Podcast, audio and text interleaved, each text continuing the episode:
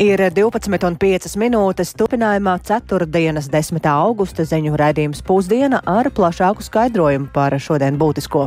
Studijā Dāca Pēkšēna esiet sveicināti!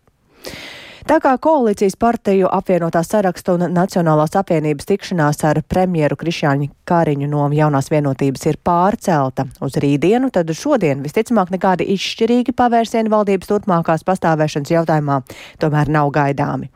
Partija pārstāvi gan apliecina, ka turpina apspriesties savā starpā un analizē valdības vadītāju vakar izteiktos nosacījumus koalīcijas saglabāšanai. Partneri piekritīs vai nepiekritīs premjera ultimātam un kas šobrīd ir tie jautājumi, kas kavē pieņemt lēmumu, to vairāk zina stāstīt kolēģe Zana Eniņa, kura šobrīd studijās. Sveika, Zana! Labdien! Mm, tā kā vienā no koalīcijas, koalīcijas partijām šodien esot kāds jau agrāk plānots pasākums tikšanās ar premjeru Krišānu Kariņu par viņa vakar izteikto piedāvājumu par tā saturu pārcelts uz rītdienu, kā jau tu teici. Nu, protams, ka šodien partiju iekšēnē par to joprojām notiek pārunas, jo ar politisko spēku pārstāvjiem nav viegli sazināties. Piemēram, Nacionālās apvienības līderis Raivis Dzintars nesot pieejams, nav sazvanāms arī šīs partijas pārstāvs Rihards Kols, kuru Krišjāns Kariņš vēlētos redzēt ārlietu ministra amatā. Tāpat nesasniedzams ir apvienotā saraksta izveidotājs Uldis Pīlēns, taču man izdevās sazvanīt Nacionālās apvienības smagsvaru Robertu Zīli. Eiroparlamentārietis gan teica, ka viņa nostāja neatšķiras no partijas kopējās nostājas, proti, ka premjera piedāvājumā pozitīvi vērtējam iespēju saglabāt esošo koalīciju, taču jautājums izraisa vēlmi partiju starpā pārdalīt ministru portfeļus. Uz jautājumu, vai rītdien varētu nest vairāk skaidrības, vai tā varētu būt izšķirīga, atbild Roberts Zīle. Viss izšķirsies rīt no tā, ko Kariņš ar to ir domājis. Vai tas ir iespēja pateikt nē pie visumā kosmētiskā priekšlikuma, kas īstenībā neko daudz negroza, ka tas ir tas iegans, kāpēc viņš nevar turpināt tālāk un veidot jaunu valdību, kā viņš vakar pēc prezidenta tikšanās teica. Vai arī tas ir, teiksim, nu tā tad tikai taktiski gājiens, lai pateikt, viņš grib veidot jaunu valdību. Jo, nu, es domāju, jebkurš politikas analītiķis saprot, ka šie piedāvājumi neko būtiski negroza tādu, kas valdībai dotu jaunu vilku. Tas taču ir acīm redzams. Tātad Nacionālā apvienība gaidīs premjeras skaidrojums rīt, un tāpat arī apvienotais saraksts, kuram pa šo laiku rodoties arvien jauni jautājumi. Viens no apvienotā saraksta līderiem, Edvards Smiltēns, apliecināja, ka kopš vakardienas kopumā gan attieksme pret Kariņa piedāvājumu nav mainījusies, proti apsveicam, ka esošajai koalīcijai ir iespēja turpināt darbu, bet jautājums izraisa detaļas un ministru rokādi. Nesot arī paredzēts pirms rītdienas tikšanās likt eh, galvas kopā ar Nacionālo apvienību un kaut kā saliedēties vienotā nostājā, kaut gan faktiski tā jau tāpat ir līdzīga. Un Edvards Smiltēns arī izteicās, ka vispār šādas divu pušu tikšanās nav saprotams formāts. Proti, arī rīt premjeras esot uzaicinājis pie sevis vispirms apvienoto sarakstu, bet tikai pēc tam atsevišķi Nacionālo apvienību. Šāds sarunu veids, ka tiekas divas partijas, vairāk raksturīgs laikam, kad veido koalīciju, bet tagad taču koalīcija jau pastāv. Tad kāpēc nevarot sanākt visas trīs valdības partijas un pie viena galda izrunāt priekšlikumus, un tad beidzot pievērsties darbam? Un tā taču valdībai netrūkst, kā izteicās saimnes priekšsēdētājs, deg visās pusēs. Paldies, Zanai Eniņai. Tātad jautājumu daudz un aizklausēs sarunas turpinās. Atgādināšu, ka Kariņa piedāvājums tātad ir atsevišķu amatu rotācija valdībā un piecu punktu memorāns. Pretējā gadījumā varētu sākties sarunas par citas valdības veidošanu ar Zaļo un Zemnieku savienību un progresīvajiem. Šo piedāvājumu tomēr par ultimātu, ko varēja izteikt mierīgākā un diplomātiskākā veidā sauc Nacionālo apvienību pārstāvošais kultūras ministrs Nauris Puntulis, taču vairāk par premjera piedāvāto ministru rokādi Puntulis atraucot piecu punktu memorands. Tā viņš šorīt atzina redzīmā labrīt sarunā ar kolēģi Artu Skuju. Puntulis nesaredzot naudu kultūras jomas budžetam, par ko sola cīnīties, un turpinājumā fragments no šī rīta intervijas. Šī dokumenta nosaukums ir sadarbības memorands un piedāvāt sadarbību ultimatīvā formā, es tur īsti neredzu loģiku pašā būtībā. Līdzīgi mums ir vairāk jautājumu nekā atbilžu par šo ministru rotāciju vai rokādi. Nu, mēs pat ja nesaredzam tos argumentus, kādi būs tie ieguvumi un kādēļ tieši tā un ne savādāk. Tāpat laikā mēs esam priecīgi, ka premjeras esošo koalīcijas partiju modeli uzskata par acīm redzot par optimālu. Un pie tā joprojām strādā, un mēs patiešām par to esam gandarīti. Ja jūs sakāt ultimāts, nu, tad tas ir ultimāts, kas ir izteikts, lai to pieņemtu vai lai no tā atteiktos un ietu malā. Es neapgalvotu nevienu ne otru. Es varbūt domātu, ka tas šīs vasaras visā tādā karstumā ir varbūt pārāk strauji no premjera izteikts piedāvājums, kas tiešām līdzinās ultimātam. Es to uzsvertu kā tādu pārāk emocionālu rīcību. Gan jau, ka tur sacīt, ka tas jā. ir strauji izteikts piedāvājums, kur visa vasara ir pagājusi, runājot par to, ka ir vajadzīga dinamika, ir vajadzīgas pārmaiņas un nekas nav noticis. Un... Ne, jūs man pārpratāt, nevis tādā ziņā strauji, bet tā forma forma, kā tas ir pateikts, ir bijusi varbūt pārāk strauja. Varbūt šo pašu piedāvājumu, ja mēs viņu saucam par piedāvājumu, varēja izteikt arī mazliet mierīgākā veidā. Diplomātiskā. Diplomātiskā jā. Nu, ja par diplomātiju, tad ārlietu ministrija šīs sektors valdības darbā nu, taču būtu pieņemams Nacionālajai apvienībai. Protams, mēs esam gandarīti, ka Rihards Kola darbs un ieguldītais šajos amatos, kur viņš atrodas šobrīd, ir novērtēts un ka viņš ir novērtēts kā persona, kurš varētu arī sekmīgi pārstāvēt Latviju ārlietu jomā. Bet eh, mēs būtu ar mieru arī Rihardu Kolu virzīt kā piekto mūsu partijas ministru koalīcijā. Jā, reiz šī vakance ir brīva. Un varbūt nu, tomēr ir vērts atteikties arī no ekonomikas ministrijas, ko daudzi norāda, ka tas jautājums par darba spēku trūkumu un risinājums, ka būtu nepieciešams atvērt darba tirgu vairākās specialitātēs arī citu valstu strādājošajiem, kas Nacionālā apvienībai nav pieņemams, nu, lai to dara ar citu partiju rokām. Es līdz šim tomēr cieši strādājot eh, valdībā kopā ar ekonomikas ministru un, un premjeru, es nereizes neesmu dzirdējis kaut tik cik melns aiz nāga negatīvu vērtējumu par ekonomikas ministras darbu. Tādēļ šobrīd pakļautu ekonomikas ministru tieši rotācijai. Mēs labprāt dzirdētu no premjera precīzus argumentus, kādēļ tieši tā. Nu, man jāatzīst, ka man vairāk par visu šo rokādu un visu citu tieši satrauc šie pieci punkti un konkrēti punkts 1,5, kas attiecas uz budžetu, kur skaidri un gaiši starp prioritātēm nekur neparādās kultūra. Un es saprotu, ka nevar būt pilnīgi visas nozares prioritāras kādā brīdī, taču, ja nebūtu vēl šī punktā rakstīts, ka ministrijām jāatsakās no šī gada budžeta prioritāriem pasākumiem, tas nozīmē no papildus jebkāda finansējuma. Un neatkarīgi no tā, kāds būs mans status. Man šobrīd svēts pienākums ir cīnīties par to, lai tas tā nenotiktu.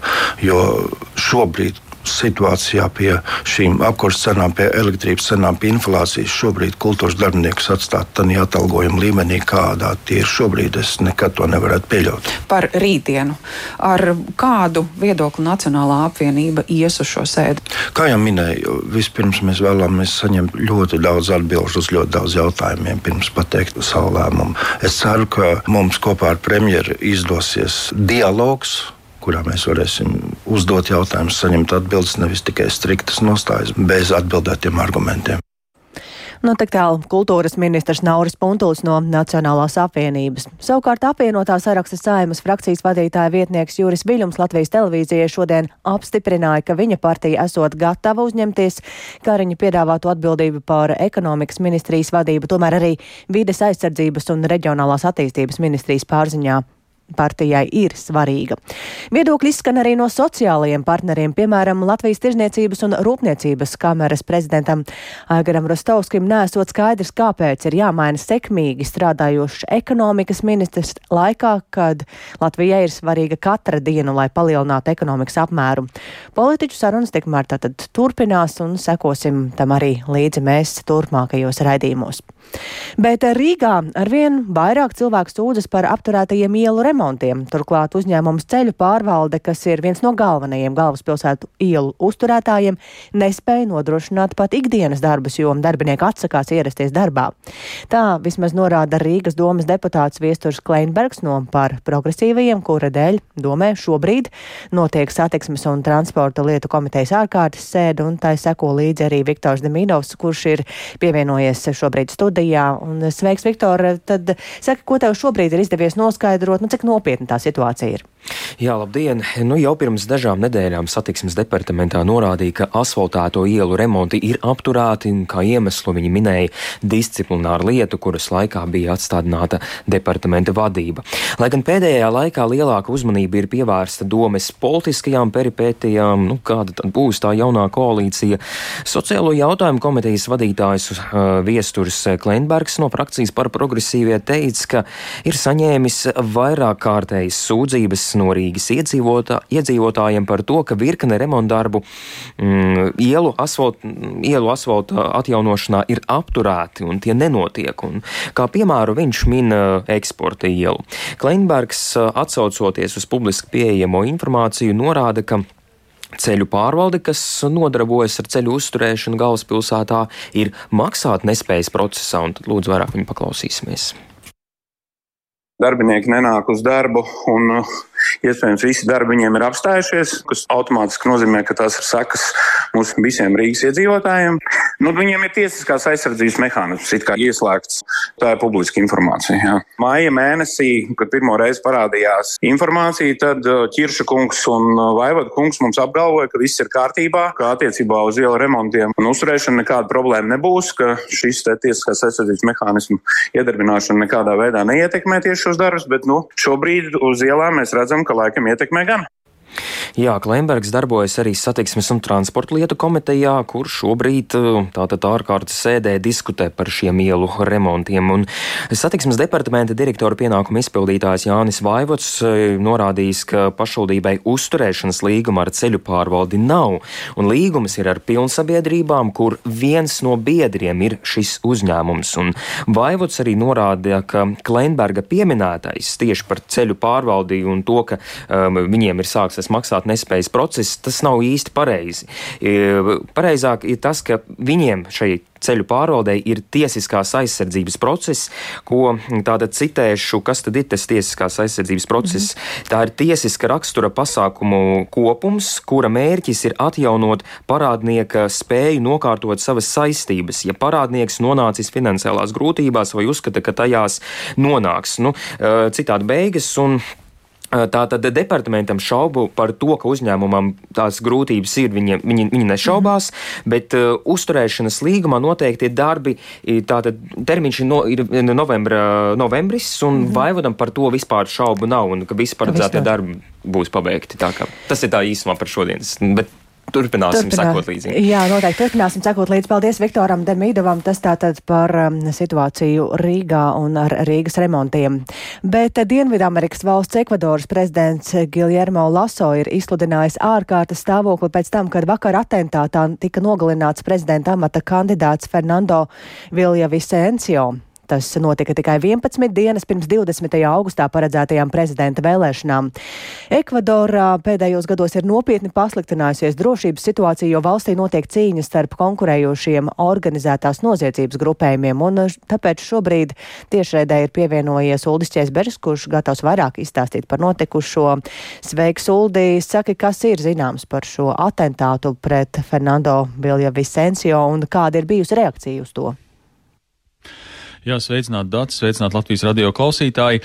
Īsumā Vilja Visencio vakar vakarā piedalījās priekšvēlēšanu pasākumā galvaspilsētā Kito, un uzbrukums politiķim notika brīdī, kad viņš pēc mītiņa sēdās automašīnā, lai dotos prom.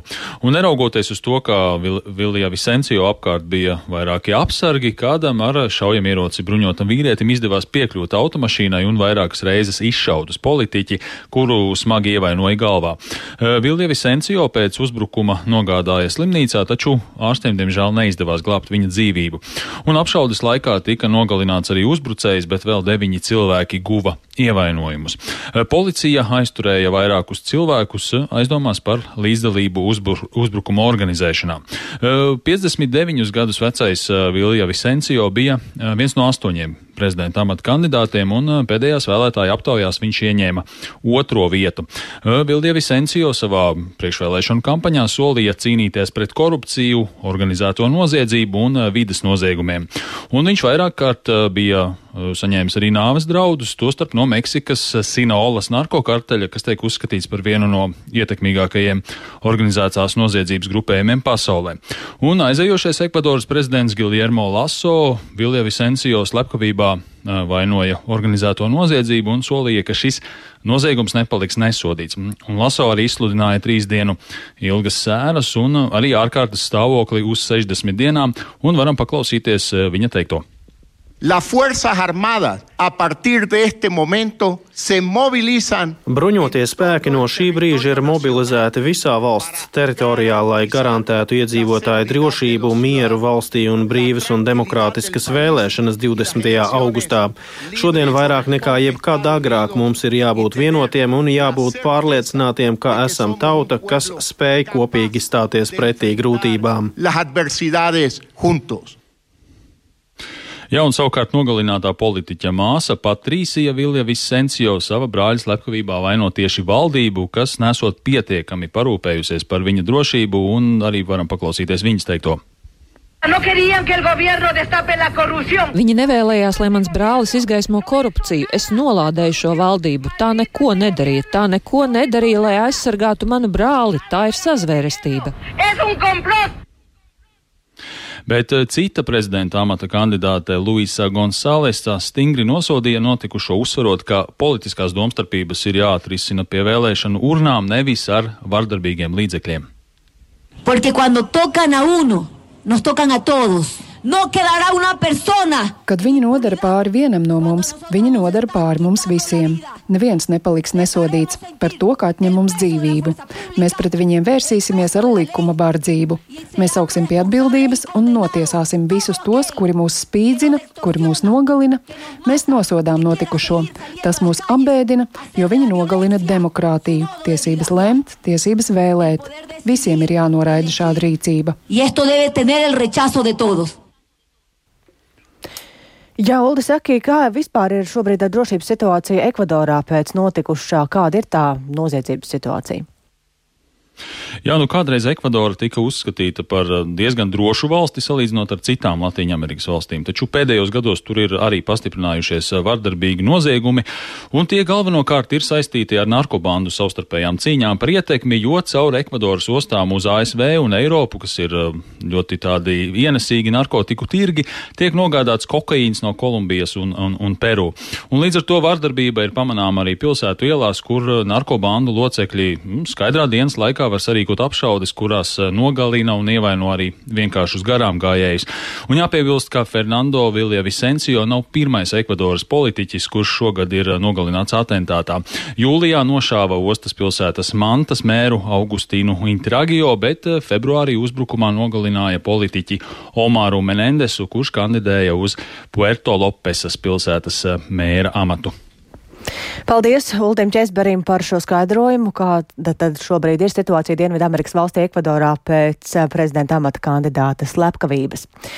Mēs turpinām ar citiem notikumiem. Vairāk nekā desmit bezpilota lidaparāti ir mēģinājuši uzbrukt Krievijas okupētās Krīmas pussalas pilsētai Sevastopolai un vēl divi Krievijas galvaspilsētai Maskavai. Tā ir paziņojušas Krievijas varas iestādes. Uzbrukumi pēc viņu teiktā gan nesot, esot bijuši neveiksmīgi. Tikmēr pie Maskavas Domodedovo aizvadītajā naktī nodārdējis sprādziens un ir izcēlies liels ugunsgrēks, un vairāk par to ir gatavs stāstīt Rustam Šukuros. Kā vēsta raidorganizācija BBC, Krievijas varas iestādes paziņojušas par 11 dronu uzbrukuma mēģinājumu Sevastopolē. Krievijas aizsardzības ministrijas paziņojumā teikts, ka dežūrējošie pretgaisa aizsardzības līdzekļi esot trāpījuši diviem droniem. Vēl deviņi esot bijuši neutralizēti ar radiolokācijas cīņas līdzekļiem, un mērķi nesasniedzot, tie iegāzās Melnās jūras akvatorijā. Tāpat šonakt Maskavas mērs Sergejs Sobjaņins paziņojis par kārtējo bezpilota lidaparātu uzbrukumu Krievijas galvaspilsētai Maskavai. Naktī ap četriem no rīta pretgaisa aizsardzība notrieca divus trieciena bezpilota lidaparātus, kas bija palaisti pilsētas virzienā.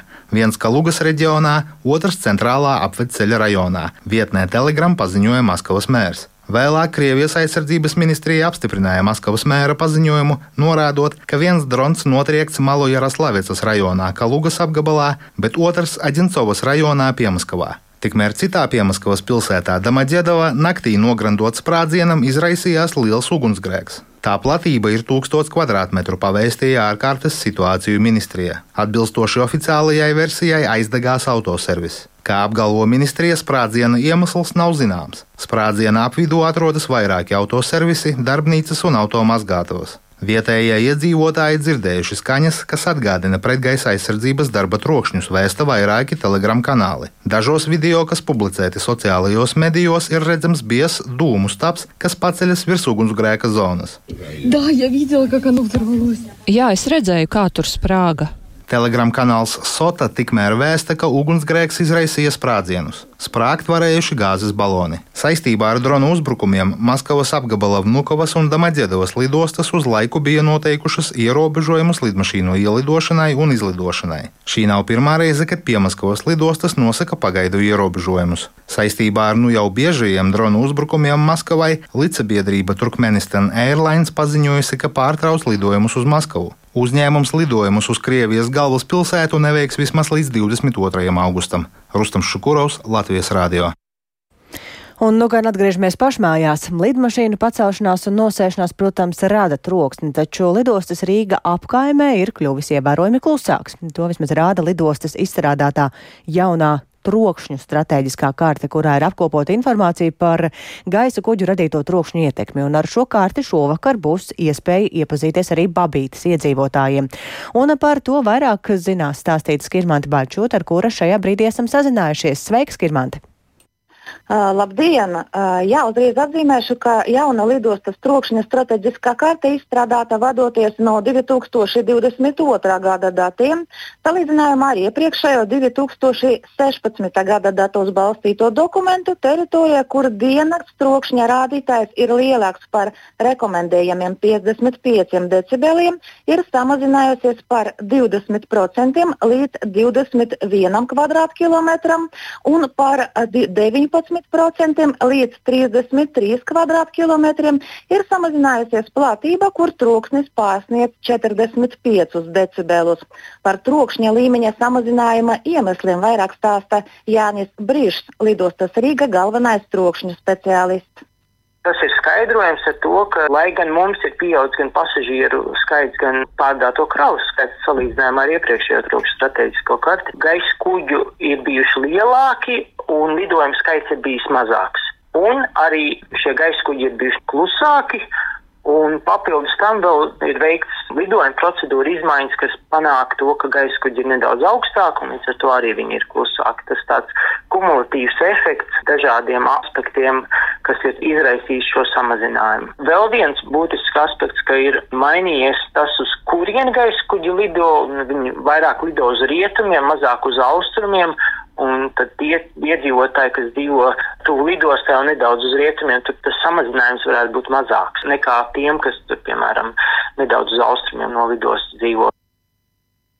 Lai mazinātu troksni, lidostā arī veicina visas krēceļa izmantošanu, it sevišķi nakts laikā, kā arī tiek apsvērta iespēja, ka nākotnē lielāka daļa gaisa kuģu paceļas uz dienvidiem un nosēžas no dienvidiem, jo šajā virzienā no lidostas iedzīvotāju apkaimēs ir ievērojami mazāk nekā ziemeļu virzienā. Interesanti, ka neskatoties uz trokšņa ietekmētās platības samazinājumu, gaisa kuģu trokšņa ietekmētu iedzīvotāju skaits ir pieaudzis. Tas saistīts ar iedzīvotāju skaita pieaugumu pierīgā, kurus paaugstināts trokšņa līmenis acīm redzami neaptur no vēlmes dzīvot Mārupē vai Babītē. Piebildīšu, ka trokšņā strateģisko karti lidostai ir jāizstrādā ik pēc pieciem gadiem, bet šoreiz tā tika izstrādāta vēlāk, tāpēc, ka pandēmijas laikā strauji kritās lidojumu skaits un tajā laikā iegūti dati nebūtu bijuši korekti un varētu maldināt potenciālos lidostas apkaimes iedzīvotājus. Date. Bet, ja kurā gadījumā šie dati balstās uz 2022. gadu, es tā saprotu, vai ne? Kad tomēr arī, to, li, tomēr arī vēl tad man šķiet to lidojumu bija salīdzinoši mazāk. Es domāju, vai tas neietekmē to, ka nākotnē varētu būt šie, šis trokšņa līmenis lielāks? Nu, it kā, kā skaidroja lidostas speciālists, ka lidojumu skaits 2022. gadā jau bija 54,000, kas ir salīdzinošs rādītājs. Paldies! Un, uh, Cilvēki, kurus visvairāk ietekmē šie trokšņi, babīts iedzīvotāji šovakar ar šo trokšņu karti, tad varēs pulksten sešos vakarā iepazīties. Un ar to tad arī izskan raidījums pusdiena. Producenta Ilza Agīnta ierakstus montēja Renāša Šteimanis par labskaņu rūpējās Kārlis Rašmanis un ar jums sarunājās Dāca Pēkšēna. Vēl īsi par būtiskāko partiju pārstāvi turpina apspriesties par valdības vadītāju izteiktajiem nosacījumiem koalīcijas saglabāšanai. Dienvidamerikas valstī Ekvadorai ir izsludināts ārkārtas stāvoklis pēc tam, kad vēlēšanu kampaņas laikā ir nogalināts viens no prezidenta amata kandidātiem. Mēs tiekamies nedaudz vēlāk raidījumā pēcpusdienā.